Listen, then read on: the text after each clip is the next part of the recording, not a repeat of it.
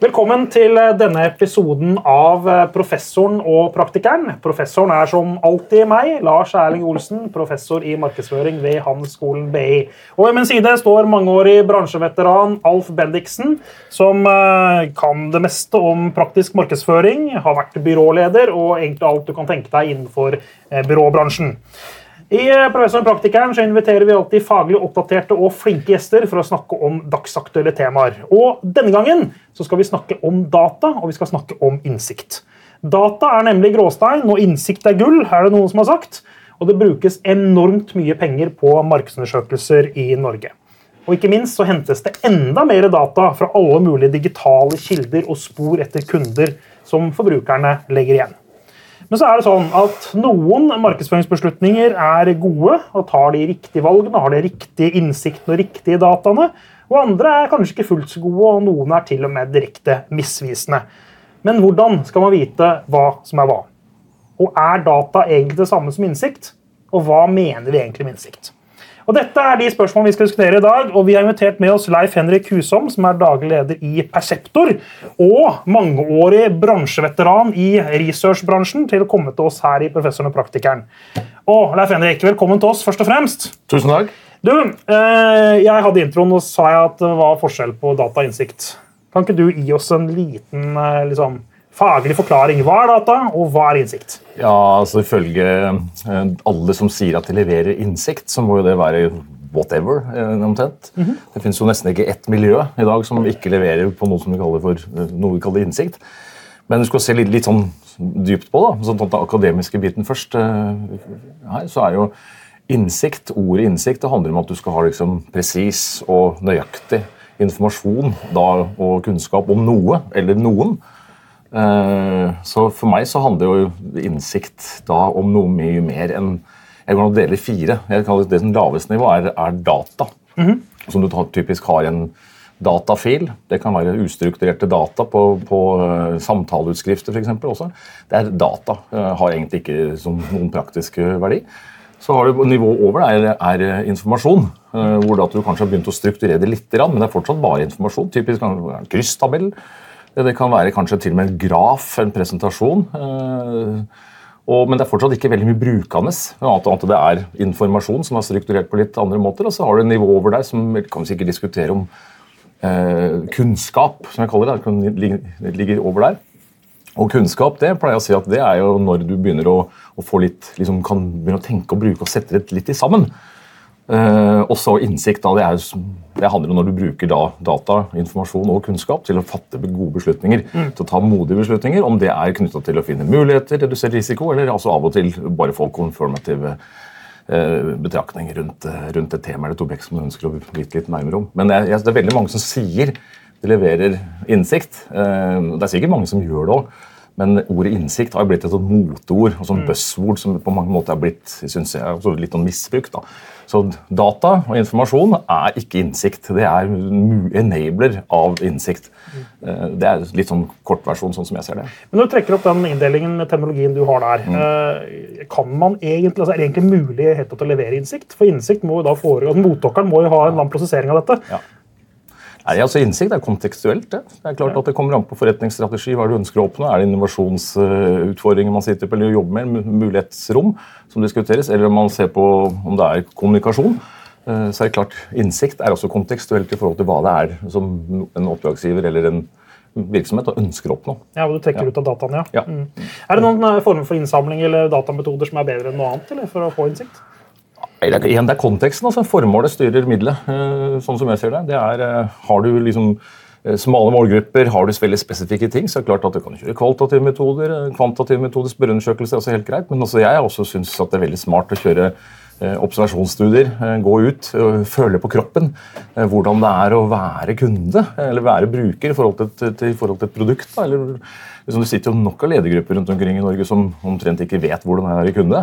Jeg pleier å si at eh, Gå ut og sjekk dine egne nettsider eh, og se hvor lett det er å gjøre bestilling. For eksempel. og det er, mange som blir overraska da. og tror liksom at det, det er at, at, det funker. Men det er ikke det er sånn, spesielt innenfor digitale verden. Det er sånn Eh, bare si at det er Zero tolerance for digital inconvenience. Det er mye rart. Ja. Eh, og, og, det er noe man kaller innsikt. Da.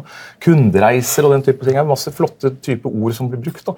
Men det er kanskje anvendelsen av det her er, og blir det ofte, eller av og til, kanskje ikke helt sånn som man ønsker at det skal være. Nei. Hva er noen eksempler da? på noe som er litt sånn data, forskjell på data og innsikt? Har du vært med på noe, eller Fredrik? Ja, jeg har vært med på, på, på noe. men for eksempel sånn som Taton Hotels, da, som, eh, som jeg liker å skryte litt av. og jeg har fått lov til å skryte av, for jeg har vært med på den reisen som det de, det de var på. De hadde jo veldig mye informasjon, veldig mye data, veldig mye, og, og både om kunder og andre. Og så fant vi ut at eh, vi hadde da uh, kjørt en kvalitativ analyse hvor Oddrun52 på video uh, sier bare at jeg er to hotell, det er jævla dritt, kjipt dritthotell, jeg bare velger når jeg må. Og det var på, hadde de da på video. Og det var med på det, hele det var symbolet på den reisen som brukte. Og det er innsikt ikke sant, som da blir brukt til å ta endringer. Da kjørte de i gang eh, Ton tester-kampanjen, og det skjer hos Ton, og de har løfta seg liksom med 16 gikk det jo opp fra, fra, folk som hadde dårlig eh, eller jeg håper å si dårlig inntrykk av det. Den, den raste kraftig. Og det som gikk opp, det gikk veldig kjapt. Gjennom to, to enkle kampanjer. Så det er et godt eksempel på hvordan man bruker innsatsen. da kunne man, man bare sagt at den der, Det Oddrun sa, det var bare noe datapunkt som man kunne kasta ut. Men det at man begynte å bruke det og massere det, det, da gikk det fra data til innsikt. Det er helt riktig. Og så er det også sånn at Dette var jo ikke den eneste kilden. Det ble gjort mange andre ting i den prosessen. der, Men vi fant noe, et sånn type utsagn som ble liksom materialisert gjennom, mm. uh, gjennom uh, den reisen som Napoleon Hotels var, var gjennom. Mm. Mm. Ja, mitt inntrykk og jeg vet ikke om du er enig i dette, men mitt inntrykk er at det er for mye data. Mange bedrifter har altfor mye data. Og det er litt av problemet. De klarer ikke å se da, skogen for bare trær. Det er så mye data, det er så mye big data overalt ja, at det blir big noise. da. Ja, men Jeg er ikke uenig i det. Og så er data er jo ikke innsikt. som jeg sa. Nei, nei, ikke sant? Så det går fram data. altså når, når, mengden data blir ekstremt stor, vokser i bredden her, så blir det å ta essensen ut av det og liksom jobbe med de tingene som faktisk betyr noe, det blir bare mer og mer utfordrende. Mm, mm, ikke sant? Mm.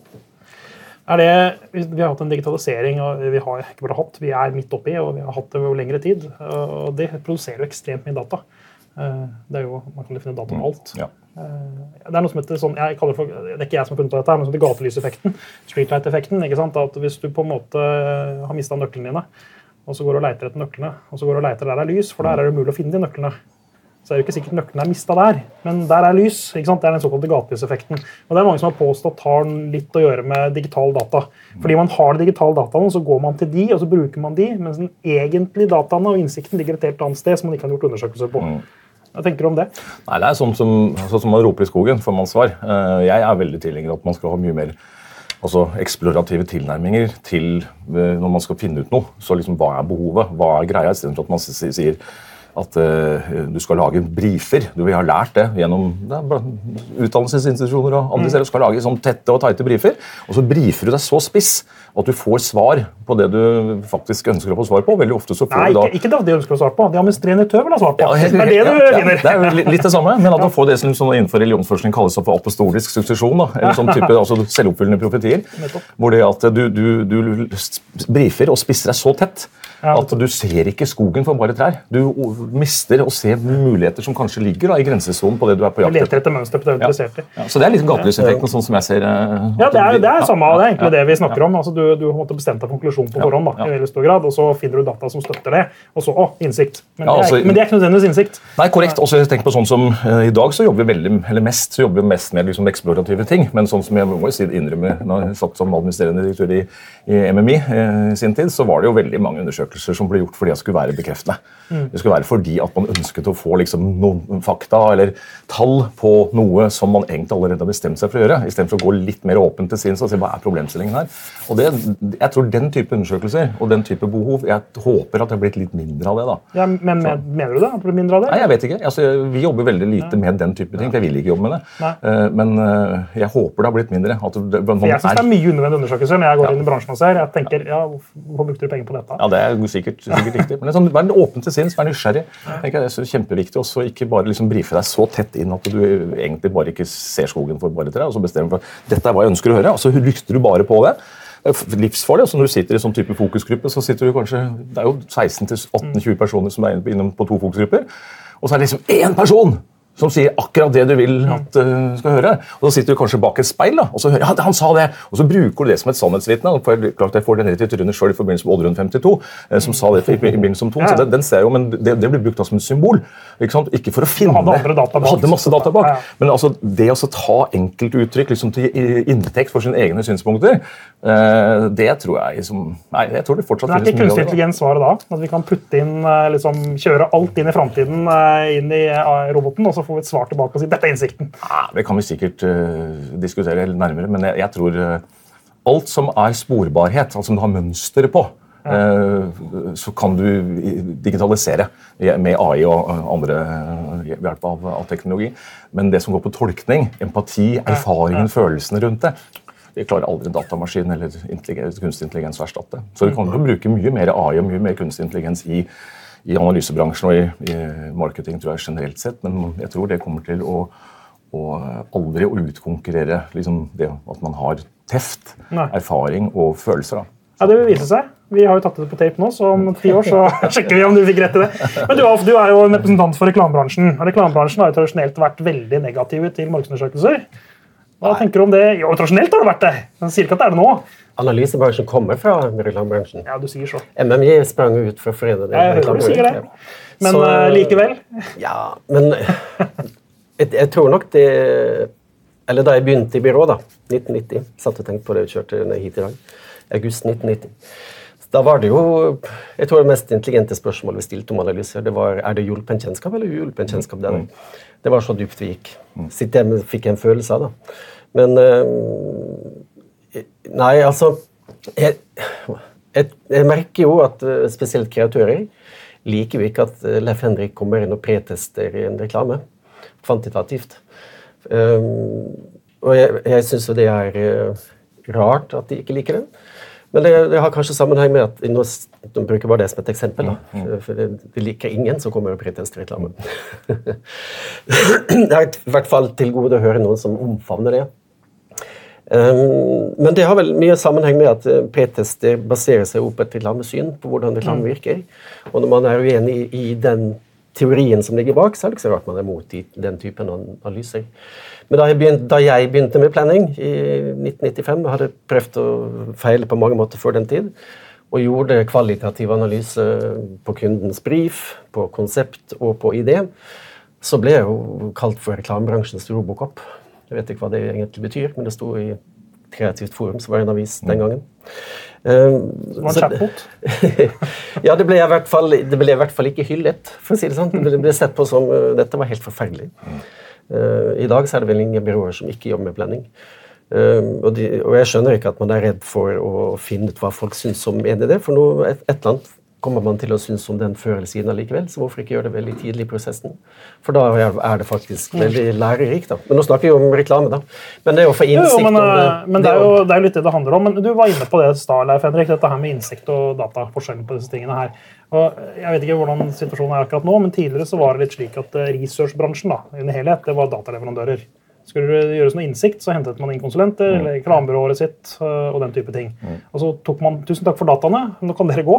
Nå skal vi voksne sitte i rommet og skal vi finne ut av hva dette betyr øh, for strategien osv. Er det fortsatt sånn, eller er det endret? Det er vanskelig å svare på. Det er ti, over ti år siden jeg satt i MMI. Så var, da var det jo litt sånn, vi hadde, da var det 10 000 kroner spørsmål hele tiden. Hvordan komme inn liksom, på høyere opp Ja, i verdikjeden. Selge konsulenttjenester, Ja. liksom, selge timer. Ja? Ja. så, så jeg tenker at uh, det er vel litt sånn, sånn ennå. Jeg tror kanskje at det er helt greit ja, i mange sammenhenger at det er sånn. For det er ikke alltid du, du uh, altså La oss si at uh, analysebransjene har liksom vært flinke. De har masse, masse flinke fagfolk. Men det å være jæklig god på metode er ikke dermed sagt at du er en god forretningsrådgiver. At du har virkelig peiling på forretningsstrategi, marketing, og at du kan innovasjonsprosesser. og den type ting. Så jeg synes liksom det er egentlig helt logisk også, på mange områder at analysebransjen ikke har liksom gått inn og blitt konsulenter. Men analysebransjen har jo selv ønsket det Ja, ja, og snakket det er- mye om det. Det er jo pga. penger. Altså det, Ja, har det er sett det at det det er mye mer, mye mer kroner i en konsulentbransje enn det er, i, enn det er historisk sett. Men hva skal de gjøre da for at de skal få den altså Dette handler jo også om marginer, selvfølgelig. Ja, ja. Hva, skal de, hva skal de gjøre? Nei, det er jo- Hvorfor har de ikke lykkes, da? for spørre deg på dumt spørsmål? Nei, altså, øh, Jeg tror at det handler veldig om erfaring og forretningsforståelse. Du må liksom kunne tre, tre hovedområder. Du må kunne analysefaget, eller håndverk og analyse. Liksom, og det snakker liksom, og det er ikke signifik statistisk signifikans vi snakker om da. liksom. Det vi snakker om da, det er liksom hva du bruker av ulike metoder og ulike analyser til.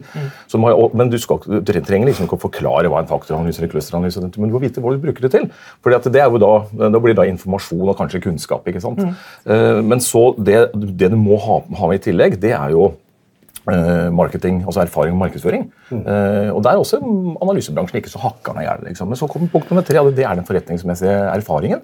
Og det får du ikke når du er 28 år. Du må bygge det her litt over tid. altså. Så analysebransjen har vært kjempebra til å bygge flinke mennesker og hatt det som en sånn karrieresteg for andre typer. ja. Så du ser jo veldig mange eksempler på flinke folk i analysebransjen som blir grisegode eh, innen konsulentbransjen, men ikke der de er.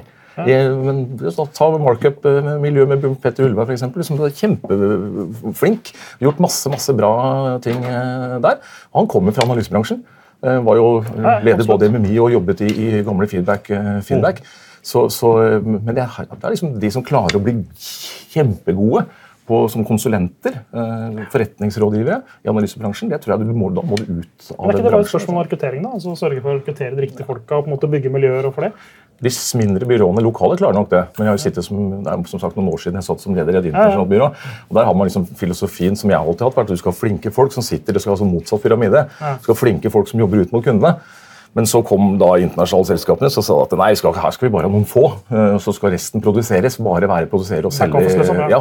Og så skal det da være liksom noen internasjonalt som sitter i alt tenkearbeidet. Eh, Og da får du ikke flinke folk. vet du. Da blir du på mange måter fjerdesortering. Hva har de gjort i budsjetter, da? Jeg har iallfall inntrykk av at dere og du er mye mer ute og gir litt mer add-on. da. Vi Er, er det rett og slett bare erfaring og kunnskap? Ja, det er nok det er, det er selvfølgelig det. Analysehåndverket, eh, forretningserfaring og eh, marketingkunnskap. Og nysgjerrighet selvfølgelig rundt, eh, rundt de tingene.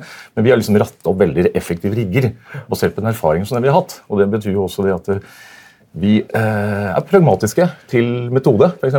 Vi går ikke inn og sier at sånn som i gamle dager i reklamebransjen hva er problemet? Svaret er en halvsides annonse i Aftenposten. Liksom. Hva er problemet ditt? Eh, Det var litt sånn i analysebransjen også. Løsningen er en Needscope eller en CCL eller en Ja, for du kjører mer skreddersom, ikke sant? Bare. Løsningen. Ja, ja. Så, så jeg tror det at det er litt sånn hvordan det er skrudd sammen også, eh, hele bransjen. Jeg tror nok det også har med et prispress på analyser. Da. At man selger ikke Det er å ha lavest kilopris på, på dataene. Og da, da blir det veldig vanskelig å selge konsulting på toppen. altså. Du gjør, jo, du gjør jo det. altså også, Kommer også med konsulting. Men uh, min erfaring med Analyseinstituttet Jeg jobber med eh, i mange, veldig mange land. Uh, de kommer inn og leverer, og så går de. Ja. Og i mange tilfeller tror jeg kanskje det er greit også. Ja. Ja. Hva er det som trender da om dagen? Hva er, liksom, hva er det du ser nå som er etterspurt? Det kommet dypere inn. Ok? Altså sånn type, Kundene blir flinkere. Eh, Vi har masse data som vi har kunnskap og innsikt rundt oss, men det som er også greia, det er at eh, du kommer ikke langt lenger med sånn type ja-nei-spørsmål. Altså Den tiden hvor eh, liksom, sier en spørsmål på en skala fra 1 til 7, liksom, så har du liksom ting og tang. Det er ikke sånn, Hjernen funker ikke sånn heller. Eh, og, og, så det, det å komme tettere på kvalitativt, altså jobbe sammen med med brukere, da, eh, forbrukere, målgruppa di. Være tett på dem. Og det tåler ikke ofte å være inne som to, to timer kaffeslabberas gruppesamtaler eller 40 minutter skiltur, for folk sier jo ikke det de mener. Og mener ikke det de sier, og de gjør i hvert fall ikke det de sier at de gjør. Nei. Så det å følge litt sånn på der, da, da åpner opp ganske mange, mange Pandoras eh, esker. Ja, da- ja. Så, og så kvalt- kvantitativt så er det så bruk avansert, mer avansert statistisk metode. Eh, altså type conjoint-analyser, turf-analyser, eh, bruk av maksstift, driveranalyser, også regresjonsanalyser. Det går ikke av moten, det. altså. Men, men eh, jeg tror liksom tiden for den derre sånn enkle ja-nei-type spørsmål, kjennskap, uhjulpet kjennskap, liksom hvor mange kjenner til ditt og datt, Nei, jeg er ikke sikker på liksom, det er ikke det, Du bygger ikke en fremtid på det. Men det der med å grave dypt, da, uh, som jeg tenker litt på For det er mange som snakker om at vi graver dypere. da. Så har jeg tenkt, hva, hva finner du der, da? Er det noe der? Det var jo noe vi tøyset med her sånn en gang før, da jeg jobbet med en sjampo og hadde fokusgrupper. Og fortalte da oppdragsgiver at eh, vet dere hva, jeg kom helt inn i hjertet på målgruppa deres. Og der vet du hva jeg fant der? Og de lå over bordet, så sa jeg fant ingenting. For der var det ikke sjampo. og det er litt sånn um, Hva er det man egentlig graver etter? Fordi um, eh, dette med mental tilgjengelighet er jo et ganske interessant både fenomen og begrep. Fordi som du sier da, du, Det du sitter og snakker om i en fokusgruppe eller en markedsundersøkelse, er jo system 2. Du sitter og tenker og tenker, og tenker, sant? men du oppfører deg nesten aldri sånn. Og så kommer du i butikken, og så velger du det som du kommer på. Men det kan man jo egentlig ikke snakke om. hva er det du kommer på da? Hvilke merker er det du kommer på innenfor den kategorien? Eh, og så handler det ikke bare om hva du kommer på, men det handler også om hva du ser i butikken. Hvor det står, og merchandising og osv. Så, videre. så er, eh, jeg syns det er et interessant eh, fenomen da, i forhold til dette med å forstå hvordan faktisk folk foretar valg. Det handler ikke om hva du tenker om en merkevare, men det handler om hvilke merkevarer Ja. du tenker på når du har et behov. Ja, men jeg er helt enig. Og det er, det er sånn conjoint som metode. da. Eh, Et, en av sånne type metoder. Vi gjør jo ikke sånn individuelle, rasjonelle vurderinger av ting. Vi ser jo beslutningsmønster i en sammenheng. Så jeg så tror også men vi så si til for, for selv, Hva er conjoint? Veldig kort. ja, altså Conjoint er en preferanseanalyse Ja. hvor du setter ting eh, i sammenheng. Du får pakker, og Eh, så, yes, så du. tar du valg mellom pakker, Ja. og så ut fra det så kjører metode finner Ja. ut hva de forskjellige komponentene i pakken betyr. Ja, nå arresterer du meg på sånn type fagnæring. Nei, men Det var ikke fagnæring, men det var litt viktig, for vi kan ikke bare kaste ut begrepet conjoint, og så skal folk sånn gjette hva det er. Nei, Men, helt, takk. men, yes. men jeg tenker på det, det som vi kommer til å se mer av, tror jeg, og håper jeg, det er at du ser liksom, du har liksom handling og, og, og holdning. Ja. på mange måter, Det er jo det vi snakker om. Jeg tror vi kommer til å se mye mer kan du si, for eksempel, eh, eh, interaksjonsdata Ja, ja, eh, i f.eks. butikker. Hvor det at Kassedataene forteller bare hva du har gjort, men hva skjer for eksempel i hylla? Mm. Eh, og det, altså, det tror jeg blir spennende fremover. Ser- ja, eh, for eksempel hvor mye salg som blir tapt fordi du går, ikke er tydelig nok for eksempel, i en hylle. og Det er litt eksempel på å komme litt dypere på. Så, og, og det er andre metoder også for å, for å gjøre det. F.eks. å bruke altså, eh, eh, du for eksempel følger samme respondenter. da. Du ber de gjøre oppgaver, og så tenker du, dokumenterer litt hva de gjør. Dagbøker og sånt er super, eh, Ja, su, super eh, gode verktøy på det. Og da får du muligheten til å avsløre litt sånn at folk kanskje sier litt ikke akkurat det de mener. da. Det du beskriver nå, er det som vår gamle mentor i akademia, professor Kjell Grønhaug Bergen, kalte for multitreit multimethods. Ja, det er helt riktig. Helt riktig, ja. Men, men vi er jo inne på det som, Du nevnte dette med tapt salg. Det er jo ingen som måler tapt salg. For det kan du ikke måle. Inntil nylig, da. Du kan det nå. Det kan det nå, jeg vet. Det er, vi kjenner til det. Men, og det, det er veldig interessant, det å stå og observere kunder som er i ei hylle. da. Hvor mange er det som går rett bort og tar den og går? Hvor mange er det som tar den og setter den tilbake igjen og tar en annen? Hvor, øh, ser de produktene dine? Vurderer de produktene dine?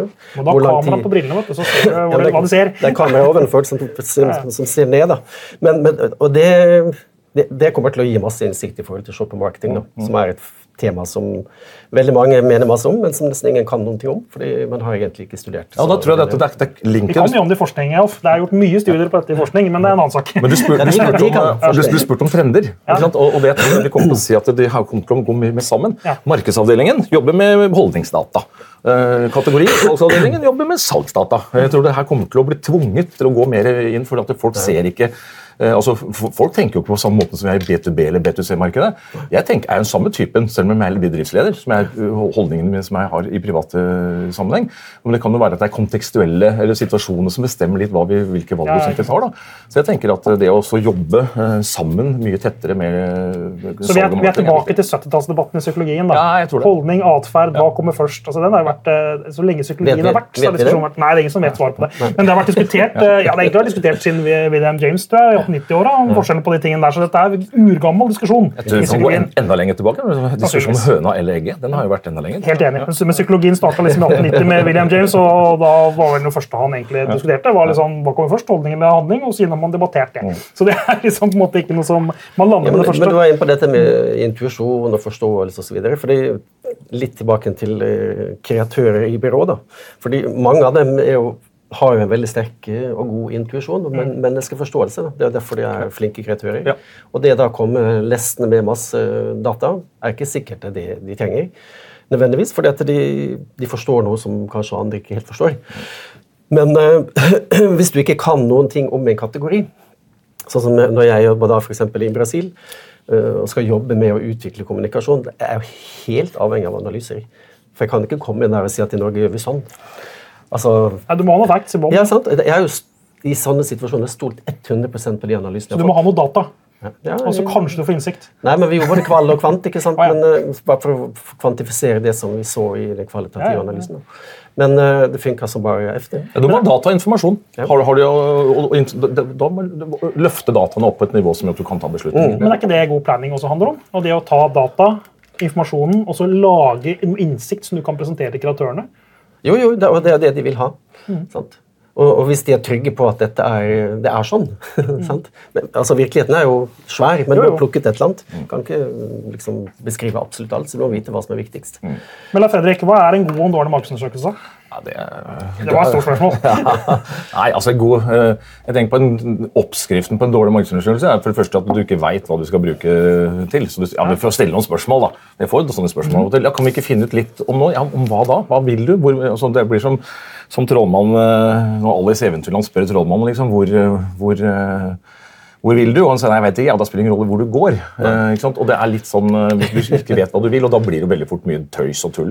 Så andre ting som er en dårlig markedsundersøkelse, er jo det at eh, når du bruker kan du si, helt enkle sånn type skala, av- ikke, eh, ikke evner, da, å se sammenhenger, og se liksom sammenhengene i datamaterialet. Du tar liksom kanskje ett spørsmål av kanskje ti, da, og så sier at det svaret på det var sånn, og så og så eh, trekker du én konklusjon, der du kanskje kunne ha sett på dataene på helt andre er måter. Ny, ny data som sier noe helt annet. Ja, ikke sant? Og så det tredje er kanskje i hvert fall veldig spørreundersøkelse. Det er for så vidt sikkert uh, kvalitativt også, det, men det er også lengde.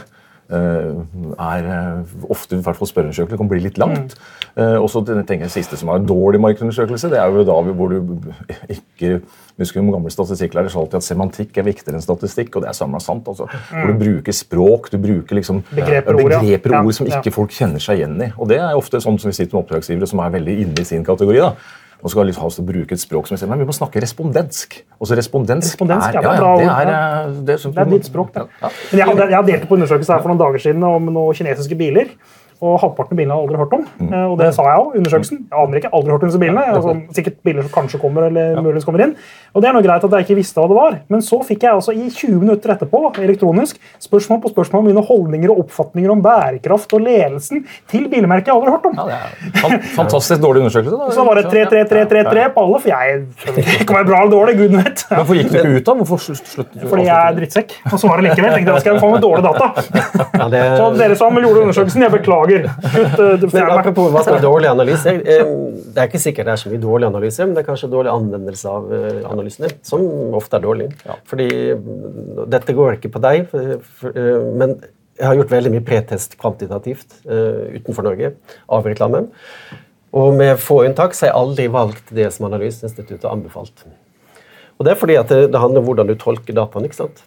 Fordi hvis du skal måle kvaliteten på en reklame-ID på en skala fra 1 til 5, eh, og det er den som får den høyeste scoren som du skal gjøre, så mener jeg at du bruker den innsikten feil. For du må jo skjønne, du må skjønne Ja, den må ikke sant? Ja. Helt enig. Men det det- kunne jo være at den scoretest var best. Altså det, Jo, jeg har jo gjort det du må ikke kategorisk bias den motsatte retning heller. Jeg velger aldri av prinsipp. Det ble gærent. Nei, men det har, det har, det har, skjedd, det òg. Men uh, han stakkars eh, analysesjefen i uh, Kantar i Barcelona han liker jo ikke meg. fordi han, hver gang han kommer, inn, så er det sånn, du kommer ikke til å velge det Anbefaler, anbefaler. Men, men det er jo det samme innenfor for kvalitativ analyse. Hvis du sitter og hører liksom presentere ulike retninger, da, så får liksom sånn, det er jo ikke alltid at den retningen som folk liker, er den man går for. Eh, Du må da kommer dette med forretningsmessig teft erfaringen. Ofte du tester idé, f.eks. Og sier at idé A scorer mye høyere enn idé B, men idé B koster nesten ingenting å få ut i marked, markedet, eksempel. Nei. Og da kan godt hende at det er forretningsmessig mye smartere å ta ut idé B enn idé A. Ja, For den er god nok, for Ja, eksempel. ikke sant? Ja, eller at du ser idé B. hvis vi gjør sånn og sånn med den, så blir Yes. den sånn som, da blir den perfekt eller veldig mye bedre. Da. Men du, parallellen til gode og dårlige markedsundersøkelser er jo innkjøpskompetanse. da. Ja. Hvordan er det står det til hos norske annonsører? da?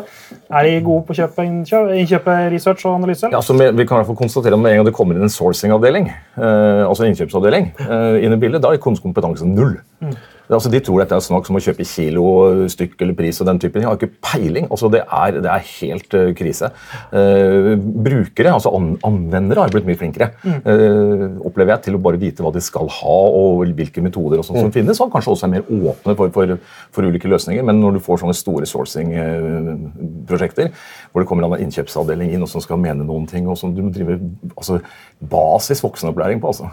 Det er, der er kompetansen null. og Der tenker jeg at det, der har sikkert analysebransjen og foreningen liksom en, en jobb å gjøre. Ja. Også fordi at det er ikke å kjøpe kilopris på, på, på Men er ikke det analysebransjen litt egen feil? da? Når man er så opptatt av å selge disse produktene, internasjonale produktene, så, så sier man jo egentlig indirekte at det er bare et produkt, så det er jo ikke noe kompetanse vi kjøper. Nei, det er Jeg kjøper den. Kjøper den. Ja. kjøper den. Hva sier du, Alf? Har du lært noe i dag? Nei. Du har, altså, du har fått data. Vi kjenner har hverandre så godt. du har fått, du har, ja, sånn, ja. Du har fått data, du har informasjon, du klarte ikke å lage innsikt. Er det du sier nå. Nei, jeg klarer ikke å ta noen konklusjoner på bak, bakgrunn av den innsikten som jeg har fått i dag. Nei, men det var, jo, det var jo litt synd. Nei, bare tøyser. Da nekter vi å betale. Nei, det, er, det er gøy å være litt nerdete å snakke om dette. Men, eh, jeg, det enig. men jeg syns jo eh, ha, Bransjen har jo blitt veldig mye bedre. Ja, ja, ja, det? ja. Det er ikke noe å lure på det. Altså, det er noe helt annerledes når jeg begynte i bransjen for 25 år siden. Ja. Så, men det er jo fortsatt sånn at eh, det er jo det er noen utfordringer. eh, og jeg tror liksom det å kjenne seg sjøl. Liksom, hvor er vi, hvor skal vi, eh, og hvor, hvor er det greit at vi er? Ikke bare som, som virksomhet men også, og bransje, men også da i forhold til det enkelte prosjektet. Det, det handler om å ha åpent sinn, være nysgjerrig, være eksplorativ, ikke bestemme i forkant liksom, at nå skal jeg gå inn og så skal jeg selge det og det og det. Det, liksom, det funker ikke når du driver med tjenestesalg. Du må lytte og være åpen. Eh, Det tror jeg, Er man det, Eh, og samtidig er det litt tøft da, i trynet overfor oppdragsgivere som kanskje kommer og har litt for spisse briefer. Nei, jeg ville ikke gjort det på den måten. Men du legger fra meg sikkert klok, men jeg ville gjort det på en annen måte. Og Der er det mye kompetanse å hente på, på, på å bli flinkere. Altså. Tusen takk, Leif Henrik Husom i eh, Perseptor. Og tusen takk deg som også hørte på denne litt eh, nølete episoden av Professoren og praktikeren. Vi må tillate oss litt nøling innimellom, eh, og vi er tilbake i eh, neste uke. Ha en fortsatt eh, god dag.